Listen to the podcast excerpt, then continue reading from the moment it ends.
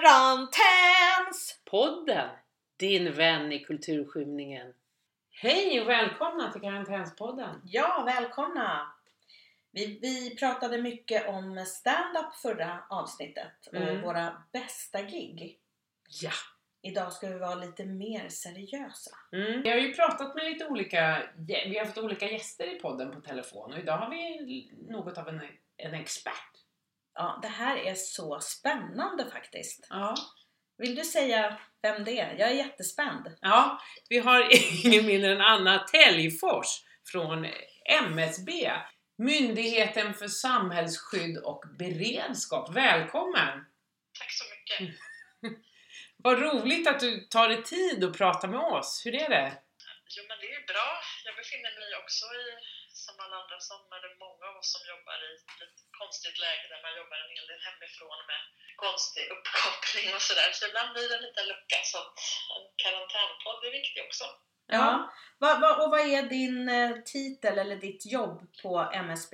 Jag jobbar egentligen bara med eh, information till allmänheten, alltså till människor om risker och kriser kan man säga. Just nu jobbar jag inte så aktivt med Corona, för att det, det är liksom en särskild organisation inom MSB och många andra myndigheter också som, som gör det. Och eh, jag har hållit mig utanför det lite grann hittills, för någon gång måste det ju bytas av. Alla kan ju inte springa i 110 hela tiden. Eh, så jag håller på att färdigställa några filmer som vi har gjort eh, kopplat till den här broschyren om krisen eller kriget kommer som vi släppte för några år sedan. Och sen så, jag är programledare också på MSBs podd. Ja, men jag gör ganska mycket sånt, alltså jag är lite som en statlig kreatör, kreatör om kris. Mm. Jag har en ganska konstig titel egentligen, men jag, men jag är kommunikatör i alla fall på MSB och det kan, det kan handla om så här brandskydd och vad vi gör för internationella insatser och allt möjligt egentligen. Mm. Så det är väldigt varierat. Det är som att plugga fast jobb. Ja. Kan du berätta, vad är myndigheten MSB? Vad, vad gör ni? Ja, men MSB har ju funnits i 12 år och ersatte några andra myndigheter som lades ner då, bland annat Räddningsverket som säkert många känner till. Vi är en statlig myndighet och vi har ansvar för en massa olika saker, men framförallt så, så stöttar vi liksom resten av samhället i deras beredskap för jag brukar säga olyckor, kriser och civilt försvar. Allt det här låter ju extremt luddigt. Men till exempel så har vi hand om en massa saker som gäller tillsyn, så här brand, transporter med farligt gods, farliga ämnen, hur det ska förvaras. När jag äter lunch så äter jag ofta liksom med några kollegor varav en har hand om gasol, en kan allt om fyrverkerier. Alltså det är extremt mycket olika saker som vi gör. Vi har också en massa internationella insatser som pågår hela tiden där vi det finns ju så här mekanismer inom EU och inom hela världen globalt där man ser hur man ska styra olika hjälpinsatser till länder som kanske drabbade av naturkatastrofer. Så ibland kan det vara någon kollega som har varit i eh, Afghanistan och kanske kollat att tälten i ett flyktingläger står lagom tätt så att det inte ska börja brinna där. Alltså vi gör otroligt, otroligt massa olika saker. Och vi, eh, den här broschyren vi gav ut om krisen eller kriget kommer, den är ett resultat av ett uppdrag direkt från regeringen som Mm. såg att vi i Sverige är lite dåliga på det här med att vara beredda på saker och ting nu för tiden. Vi, är så sårbara i våra, liksom, vi använder bara IT-system och, och sådär till allting. Vi, vi är dåliga på att ha kontanter, vi är dåliga på liksom, Ja, på typ. Så då såg man att eh, det här behovet finns och då, ja, det är en sak då som vi gör. Och sen så samordnar vi jättemycket, så vi öppnar upp för telefonmöten mellan en massa olika myndigheter när det är någonting speciellt. Så att alla snabbt kan mötas och se så här, ja du gör det, du gör det. Det kan vara vid oväder till exempel, så här snöväder. Och så kollar man vilka har vilka resurser, behöver någon låna bandvagnar? Alltså det är mycket sånt där, så här samordning som är ganska luddigt begrepp men som man kan göra väldigt praktiskt. Och sen jobbar vi jättemycket mot frivilligorganisationer. Alltså typ så här Lottakåren, Röda Korset, Civilförsvarsförbundet, för de har ju massor med speciella uppdrag som rör, de ska ju jobba också i kris mm. Mm. som förbereda sig och utbilda sina medlemmar. Så de är ju också otroligt viktiga. Mm. Så de får dels en del pengar av oss och sen så finansierar vi en massa forskning och sen, ja, det är otroligt mycket vi gör. Det är jättesvårt att förklara MSB kort. Mm. jag förstår. Karantäns! Din vän i kulturskymningen. Och den här foldern eller broschyren som ni skickade ut till hushållen för två år sedan, om, vad heter den? Alltså det fanns ju tidigare upplagor hette om, kris, om kriget kommer. Mm. Ja. Eh, Som den senaste kom 1961. Men den som vi gjorde för två år sedan heter Om krisen eller kriget kommer. Just Vi det. också lyfta liksom krisen som ju är mer sannolik. Ja. Och den hade vi faktiskt kvar på ett centralt ställe. Så jag har ögnat igenom den. Men skrev du den eller? Det var ju jättemånga som skrev den. Den är ju gjord i samverkan med Försvarsmakten och sen är det ju massa andra också som har tyckt till. Men jag ansvarade för det här mittuppslaget där det står vad man kan ha hemma. Det här med tortilla och glödlampor och Ja. Underlag. Men det. eh, det är inte som att jag har hittat på mycket av det själv. Men, eh, men den var ju, bara den var ju ganska krånglig att få till med allt som ska jämkas och vad, att det inte får bli för dyrt. Och det ska passa alla och alla allergiker. Jaha. Ja. Jaha. Men och håller sig tortilla speciellt länge? Ja, det håller sig faktiskt några månader. I frysen? Nej, men alltså om du tittar på när man köper en sån här vanlig Ja, det gör jag varje fredag. De har ganska lång hållbarhet faktiskt. Ja. Inte flera år, men, eh, men bra länge. Mm. Mhm. Men, men upplever du att svenskarna har blivit bättre förberedda inför en stor kris efter att den där broschyren kom ut? Jo, men det finns det ju massor med undersökningar som visar. Alltså, framförallt blev det ju en otrolig snackis, vilket var verkligen kul att få vara med och uppleva. När den här kom så, alltså det är åtta av tio som har sparat den här broschyren, den där röd-orangea. Jag tror Mm. att det var eh, väldigt så här, lyckosamt att vi delade ut den ensamt, utan reklam och sådär runt. Det fick ju jättestor uppmärksamhet och sådär. Och många har ju diskuterat precis de här eh, checklistorna det hör man ju väldigt, väldigt ofta. Även när jag går på fest nu för tiden så då säger nästan inte jag så gärna vad jag jobbar med. Till skillnad från för tio år sedan var ju de här frågorna helt iskalla. Mm. Det var ju ingen som ställde någon enda följdfråga liksom, om jag var på ett mingel. Nej. Men nu liksom, vill ju diskussionerna aldrig sluta så att folk är ju otroligt mycket mer medvetna idag och har ju vidtagit fler åtgärder men ändå inte tillräckligt. Alltså det är jättemånga som har börjat tänka och bara åh, det här kan hända. Det märker man inte minst nu när vi är i en situation som är jättesvår för många att man då ser att alla har ett ansvar. Så det har blivit mycket, mycket bättre. Men det är fortfarande så att det skulle behövas lite till det sista steget, skaffa grejer. Det, där är vi inte riktigt än. Men när man fick den här broschyren, då blev man ju, jag blev ju, det är jättebra, men man blir lite orolig för då är det, är det kris på gång? Så tänker man ju. Mm. Vad gjorde du med den tanken då? då? Eh, Att jag tyckte att det var lite jobbigt och ville först inte läsa. Och Och sen jag- så jag- läste jag Och, och jag konstaterade mest bara att jag är värdelös på att överleva om något händer. Ja, det gör jag också. Det gjorde Ja. jag med. Är ni bättre nu? Jag har lagt en flaska vatten i frysen. Om vattnet stängs av. Jag, jag sa just till min man att jag tittade in i vårt kylskåp. Jag bara, vi måste ju vara de sämsta preppersen i hela... Vi hade ju inte ens... Men ni bor ju också i stan, eller hur? Ja. Ja. Det är ju där vi är sämst. Vi är jättedåliga. Vi är så vana att man kan alltid gå in och värma sig på 7-Eleven och stå där med en kaffe. Vi tror ju på riktigt att det alltid kommer finnas. Ja, men jag har ju sovsäckar och sånt uppe på vinden och eh, tesprit och ett litet kök sådär. Så att sådana grejer har man ju. Men är vi Har man ju, det svenskar... har inte vi. Har ni inte det? Nej, ingen gasol. Ja, så. nej. Nej, jag är lite... vet ju vem av oss som har det, som, då kan vi ju komma hem till dig. Ja. Men, men tycker du att svenskar är sämre förberedda för krisen än andra människor i andra länder? Det är ju det som är så bra, tycker jag, nu att, att vi är många människor från olika länder i Sverige. Det här är ju något som man kanske har börjat förstå vidden av på sistone, tycker jag. Att vi har ju många människor i Sverige som redan har upplevt till exempel krig och långa strömavbrott. Och vi har otroligt mycket kunskap vi kan hämta från dem. Alltså i alla fall vi som kanske är födda och uppvuxna i Sverige är helt krislöst. Här Mm. kan ju vi, vilket man ser nu under coronan också, att liksom man ser så här vilka resurser vi alla bär på. Vi har ett eh, utbildningsmaterial som vi ska börja använda lite senare där man, som man kan använda till exempel i en skolklass. Jag, jag har provat det på lite olika åldrar. Och det går ut på att man ska diskutera vad skulle kunna hända här i Hammarby sjöstad, säger vi. Och så diskuterar man det, så ser man kanske så här vilka risker, ja men vi säger så här översvämning i kanalen, typ, men vad det nu kan vara. Och sen ska man försöka ta ner det på en nivå där man landar i så här, vem är jag då? Vad kan jag göra? Vad har jag för någonting? Och jag har gjort det här med sjuåringar och alla kommer på helt fantastiska saker. Typ så här, jag har ett landställe med brasa, om det blir kallt kan vi alla åka dit. Eller jag kan fly på skridskor. Mm. Liksom, Mm. jag kan...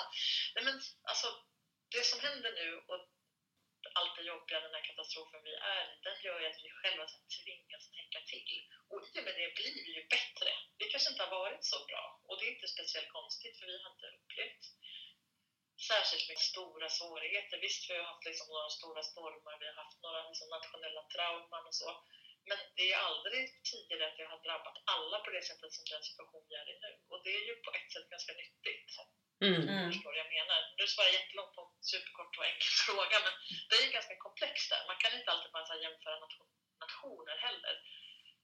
Nej, men vi, som vi sa, vi har ju haft en iransk gäst i podden och hon sa ju att hon trodde att de var mer, lite mer beredda på krig, för de har varit med om, om, på kriser, vad som kan ta slut. Hon var till exempel inte orolig för mat i Sverige, men hon sa däremot mediciner kan vara bra att se till att man har och så vidare. För att hon har varit med om det för Hon sa att jag ser tidigare tecken på att det kommer. Och jag tänker så att när det händer någonting nästa gång, för någonting kommer ju att hända de närmaste decennierna. Det kommer ju vara en rad olika konstiga händelser säkert. Det Mm. vet vi inte, men vi kan ju anta det. Då kommer vi vara mycket bättre förberedda, för nu, har vi, nu är vi igenom det här som vi är igenom nu. Vi ser så här, oj, hjälp, det här kan faktiskt hända. Det påverkar oss på det här och det här sättet. Vad obehagligt, läskigt att det är så sårbart. Det är många som inte har förstått det. Det var mycket av det vi ville med att skicka ut om krisen eller kriget, att väcka lite grann så här tanken. Ja men det gjorde ni verkligen. Det, Mm. det blev väldigt tydligt just med internet och, och ju bara sådana enkelt som värme och vatten Mm. och så vidare. Karantäns! Podden! Din vän i kulturskymningen. Men tycker du att man ska köpa all den här maten nu? Jo, men jag tycker man ska ha extra hemma. Vi brukar säga att man ska ha liksom mat för upp till en vecka. Det, det är helt rimligt om man känner liksom att man har råd. Det får inte bli en stor grej. Det där med prepping kan ju bli lite av en prylsport. Ja. Vad jag menar? Jag kanske har sett exempel på det i er bekantskapskrets. Det finns ju många som går all in och bara köper grejer för hela veckopengen. Det behöver Mm. man kanske inte heller. Det beror också mycket på hur man bor. Men absolut att ha lite extra hemma. För om det är strömavbrott eller någonting, eller någonting som gör att butikerna måste stänga, vi har ingen aning egentligen. Man ser ju nu också hur sårbart det är, så, så absolut. Men det viktigaste skulle jag säga är ju att man kan lyssna på Sveriges Radio. Där det kommer komma nyheter och viktiga meddelanden. Så innan man börjar köpa tortillan så kanske man ska se till att man kan lyssna på radio utan el. Mm. Typ på en liten batteriradio eller så. Mm. Eller bilradio eller någonting som bara... Ja, liksom- det stod om en vevradio, man kan veva igång. Finns det Det finns sådana? alla möjliga, ja det finns det. Det Ja. är väl egentligen inget man måste ha just på vev, men har man, ska man ha batteriradio måste man se till att man har batterier till den. ja, Mm. men de tar ju slut så småningom. Du säger en vecka, vad händer sen då? En kris är väl längre än en vecka?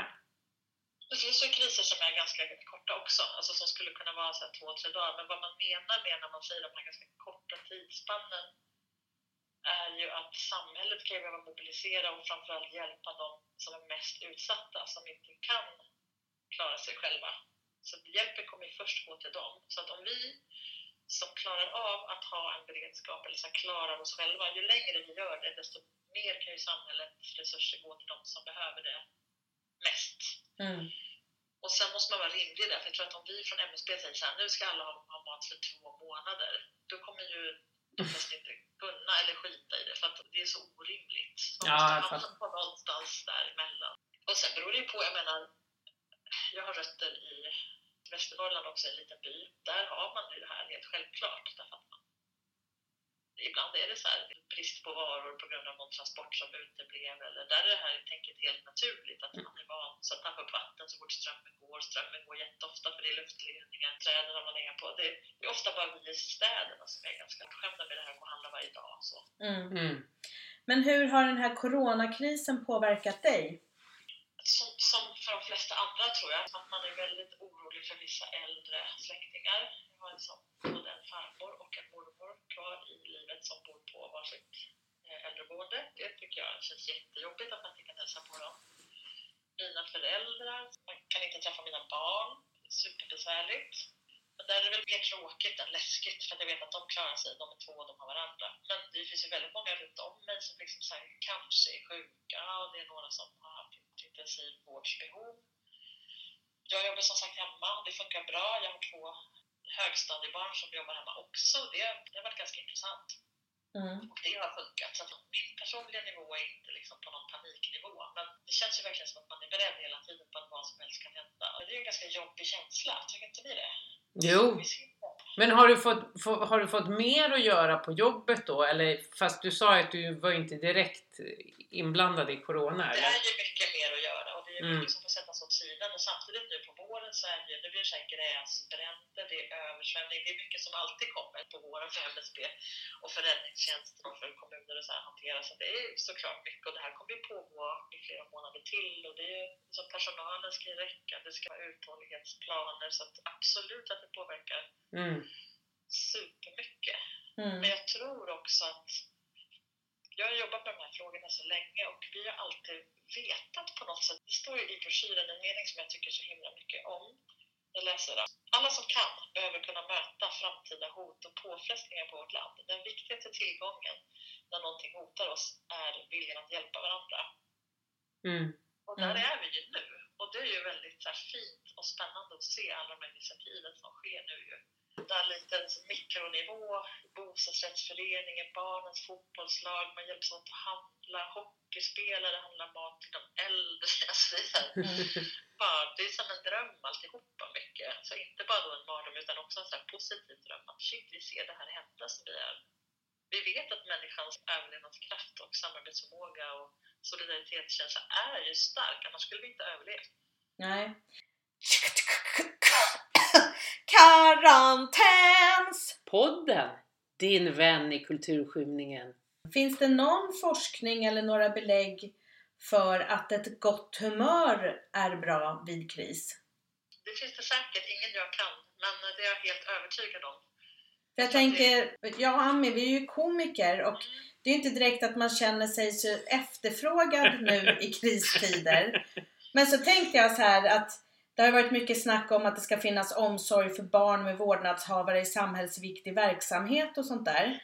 Då tänkte jag, ja men ett gott skratt förlänger ju livet, brukar man ju säga. Alltså, Så är en komiker en samhällsviktig verksamhet, tycker du? ja, jag tycker verkligen det. Jag har precis avslutat en rad filmer som vi är, utbildningsfilmer som vi ska släppa lite senare, där huvudpersonen är showartist.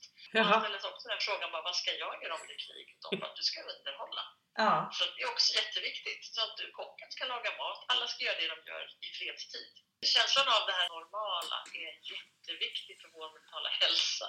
Ja men det finns ju sjukhusclowner. Du Malin, du är ju fältartist. Exakt, fältartister tänkte jag nämna. Ja, Ja. man skeppar ju ändå iväg komiker till Afghanistan. Ja. Då måste det finnas Men någon... det som är en grej som jag tycker är ganska speciell för coronakrisen är att det direkt kom så mycket humorkonton och skämtmemes och det har man inte riktigt sett i någon kris innan. Nej. Nej. Att man vågar driva med det fast vi är i en situation som är väldigt allvarlig och jag tror att det är, jag är verkligen inte expert eller forskare på det här området men det kan ju vara delvis ett sätt att vilja distansera sig lite, att det blir lite jobbigt och då skämtar man. Och sen kan det ju vara ett sätt att bearbeta och också ett sätt att förströ. Många har ju jättelångt tråkigt nu. Mm. Det är inte så konstigt. Det föds ju jättemycket kreativitet just nu, märker man. Mm. Folk börjar sy om gamla grejer och bara snickra. Det är otroligt. Ja, och klimatet mår jättebra. Och tänk vad vi kunde eh, när vi var tvungna. Karantäns! Podden! Din vän i kulturskymningen. Men det finns ju väldigt mycket hobbytyckare och, och hat och, och näthat mot er myndigheter. Mm. Som tycker ni har Det finns fel. ju alltid. Ja. Det finns väl alltid... Vad jag tror att man kanske inte riktigt alltid vet är att myndigheter hittar inte på speciellt mycket själva utan vi arbetar på uppdrag. Det är ju uppdrag från regeringen och det är långsiktiga uppdrag och det som står i regleringsbrevet att man ska göra. Sen försöker man göra det bästa utifrån situationen men det är ju, en del är ju ganska formaliserat. Och den nästan vanligaste frågan när någonting har hänt i samhället som är lite farligt, till exempel en buss börjar brinna för att den krockar med en bro, då bara vad gör MSB? Mm. Man tror att så här, MSB ska komma som en räddande med helikoptrar och styra upp. Men vi, vårt system i Sverige funkar inte så. MSB och inte någon annan myndighet heller leder andra myndigheter i kris. Så finns det andra länder som har, men vi har inte så. Utan vi har ansvarsprincipen. Den som ansvarar till vardags ansvarar också i kris. Och sen jobbar alla på annorlunda sätt i kris såklart. Det kan ske snabbare beslut, det har vi sett nu, så här lagändringar. Det går ju att göra saker. Men, Men ni är ändå samordnande, eller? ja, men det är inte samma sak som att styra de Nej. andra. Nej. Och i den här frågan, hälsofrågan, så är det Folkhälsomyndigheten som har Mm. ansvaret. Såklart. Men det är, väl, det är väl klart att det finns mycket, många som tycker. Vi lever i en demokrati och det är fritt att tycka. Men jag undrar också varför skulle ni vilseleda folket? Det är det inte jag förstår hur de tänker. De som, det finns väl ingen illvilja från Folkhälsomyndigheten eller från er? Det finns det ju verkligen inte såklart. Men det där kan man ju så tolka politiskt på en mängd olika sätt säkert. Och man kan ju, det finns ju ganska många som tycker, som minns hur det gamla beredskapssystemet fanns förr i tiden när vi hade lager och när vi hade skyddsmasker och det där har man monterat ner och det har ju varit en stor ilska över det där. Alltså ni Mhm. nämnde ju att ni blev rädda lite när den här broschyren kom men, men det fanns ju otroligt många som sa typ äntligen!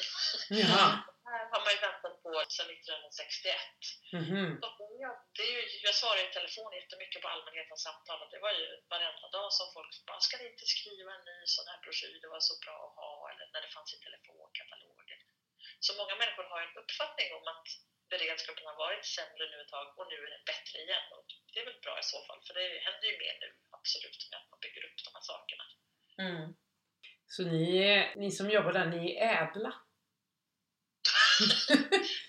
det var ju din tolkning. ja men jag tänker precis som sjukvården. Va- Varför fan i helvete ska de gå till jobbet och riskera att bli sjuka och, och ni jobbar häcken av er? Det är ju för andras skull ni jobbar. Ja, men det är det ju. Och jag som pratar så pass mycket med vanliga människor som ringer varenda dag. Jag, verkligen, jag och några kollegor, vi gör det för att vi vill det. För det blir lite grann ett sätt att också ha fingret i luften. Vad tänker folk på? Vad oroar de sig för nu? Och hur kan vi kommunicera bättre? Och kanske vi ska lyfta det här? Och... Människor måste ju få svar. Alltså, man är ju inte som en folkvald politiker, men det är man arbetar ju för samhället när man jobbar på myndighet. Det är jätteviktigt att komma ihåg. Mm. Om folk ställer frågor så ska vi kunna svara. Och det är, allting är väldigt öppet i Sverige. Det ska vi vara superglada för och rädda om, tycker jag. Mm. Men har du, har du koll då, då som, jag vet, jag förstår att inte du har koll på allting, men du jobbar ändå med det här. Nu, det kommer ju artiklar om att, att vi har gjort fel i Sverige, har vi det? Men det är helt omöjligt att säga. Det får vi väl kanske se om flera år, tänker jag. Och det där med smittan och hur man ska skydda och sprida, det har jag ju, är ju absolut inte jag kunnig på. Utan det är ju som sagt Folkhälsomyndigheten. Mm. Mm. Väldigt många har ju haft corona utan att veta om det själva kanske. Vet, vet du om du har haft corona? Jag är faktiskt lite sjuk just nu, så jag får väl se. Jag Ja. har lite ont i halsen, så jag går inte ut någonstans nu. Nej. Har ni varit sjuka? Ja, jag jag har varit sjuk hela vintern. Men jag vet inte. Jag misstänker att jag kan ha haft corona men jag har inte haft alla de där symptomen som har Nej. lyfts fram. Jag har inte, jag har också, det, man blir ju lite, man går ju och känner efter jävligt mycket också. Men nej, det kan jag inte säga. Jag tänker att man nog, det är det som är så svåra med det här, den här uthålligheten och tålamodet som vi måste ha nu. Vi är vana att kunna få svar snabbt Mm. om allt möjligt nu för tiden, men vi måste, vi måste bara vänta och se. Mm. Det är jättesvårt, det tycker jag också. Så du har inte heller något magiskt svar på när är det bra igen? Verkligen inte. Tänk om man hade det. Ja. Ja. Karantäns! Podden, din vän i kulturskymningen. Är ni en ganska utsatt myndighet? Är det så att om ryssarna skulle inta Sverige så vill de slå ut er först? Inte först, det tror jag inte. Jag kan nog tänka mig kanske att jag skulle vara på mer försvarsviktiga personer. Men det är bra att ta er. Om man vill har ju illa. mycket säkerhetstänk, absolut. Så, Mm. så är det nog på de flesta myndigheter idag. Mm. Det jag tycker det är lite kul, det blir lite, jag blir lite så här, oh, det är lite sexigt. Anders Tegnell som har gått ut, det, det tänker man inte så här, mm, men liksom att det blir nya hjältar. Nej men om man hade träffat honom i vanliga fall skulle man inte tänka så här, åh sexy motherfucker. Det är som, men, no offense Anders om du Jag lyssnar. tror det här är behovet av både en fiende och en hjälte. Nu har vi verkligen en gemensam fiende Ja, i Sverige ja. som heter covid-19 eller hela världen. Och det gör väldigt mycket lättare för oss. Mm. Det är väldigt många vapen som läggs ner nu. Nu är det corona som gäller. Man slåss mot samma sak. Det är så nyttigt att få känna det. Och på ett motsvarande sätt är det väl säkert bra med en gemensam. Han blir ju lite som Lotte Knutsson var i flodvågskatastrofen. Den Mm. trygga personen som, som vet och som orkar och som orkar stå och säga samma saker och som inte ger sig för den här mobben från andra sidan utan som, som håller ut. Mm. Och Jag- har liksom ett, ett positiv grundton. Det är också skitviktigt. Mm. Eran chef har ju också varit ute mycket. Ja, de flesta som myndighets, alltså antingen som sakkunniga experter eller generaldirektörer är ju man vill ju höra dem. Och sen vill man ha Stefan Löfven och kungen. Alltså, Ja. Det är viktigt att höra. Jag tycker det är lite för få kvinnor tycker jag bara. Du nämnde ju Lottie Knutsson, jag har tänkt på det också att hon var ju en sån. Kronprinsessan har gjort bra uttalanden. Ja, det har Mm. gjort. Nej men som man känner såhär, åh nu känner jag mig trygg. Vem, vem skulle du, Malin, vem skulle du? Babben? Nej. Om hon skulle börja uttala sig om Corona, jag, jag, jag vet inte. En person som jag tycker har gjort jättebra grejer är Anja Persson. Jaha.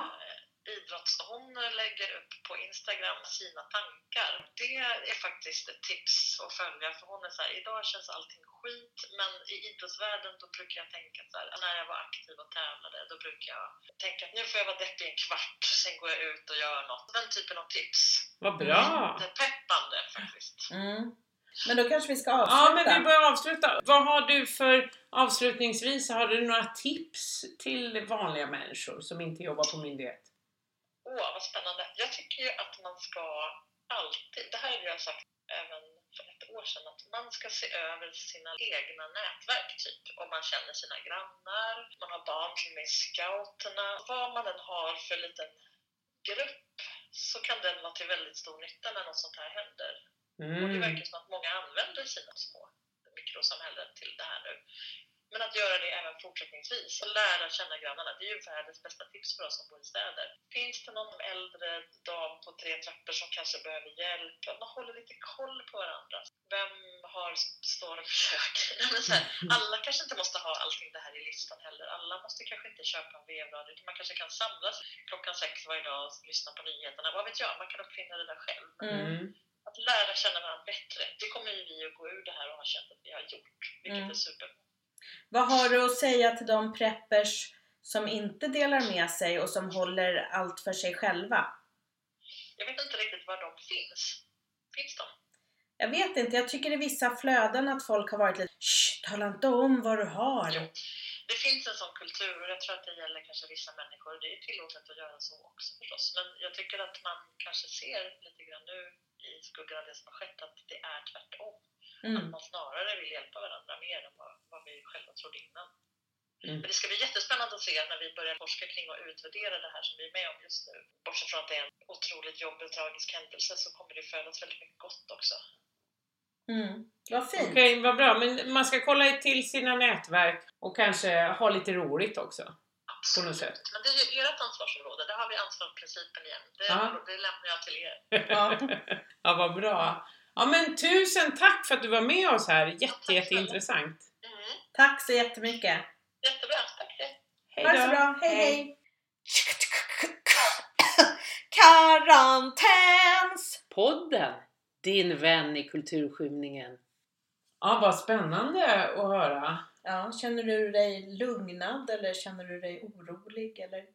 Nej, men jag, den där oron var ju... Jag tyckte det var jättebra att det kom en katastroftext. Det är bara att det är jobbigt att tänka på. Man är som den där apen och man håller för öronen och bara la, la, la, la. Ja. Det kommer inte hit. För att också man blir medveten om hur fruktansvärt sårbart det är. Mm. Just vatten, el, Mm. kommunikation och, och värme. Är ju, då är man ju stekt i det här kalla landet. ja. Framförallt vi i storstan. Mm. Ja, men det, min man har ju... Vi åker till landet. Mm. Och så håller han på att ta jägarlicens. Nu är den inställd på grund av Corona. Mm. Jag vet inte om han, så vi ska vi skjuta djur och Mm. oss där ute då. Mm. Mm. Ha djurkläder och liksom... Apropå leopard som du pratade Ja. om i förra programmet. Så jag kan ha en, en grävlings, Ja. grävlingspants. En rådjurspäls. Ja.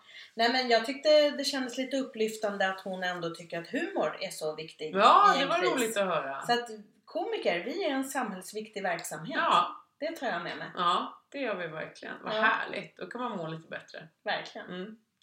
Ja, men då säger vi så då. Ja, tack för att ni var med oss. Skoja och prata med era grannar. Mm. Och tvätta händerna. Och röven! Hej då! då! Karantäns! Podden, din vän i kulturskymningen.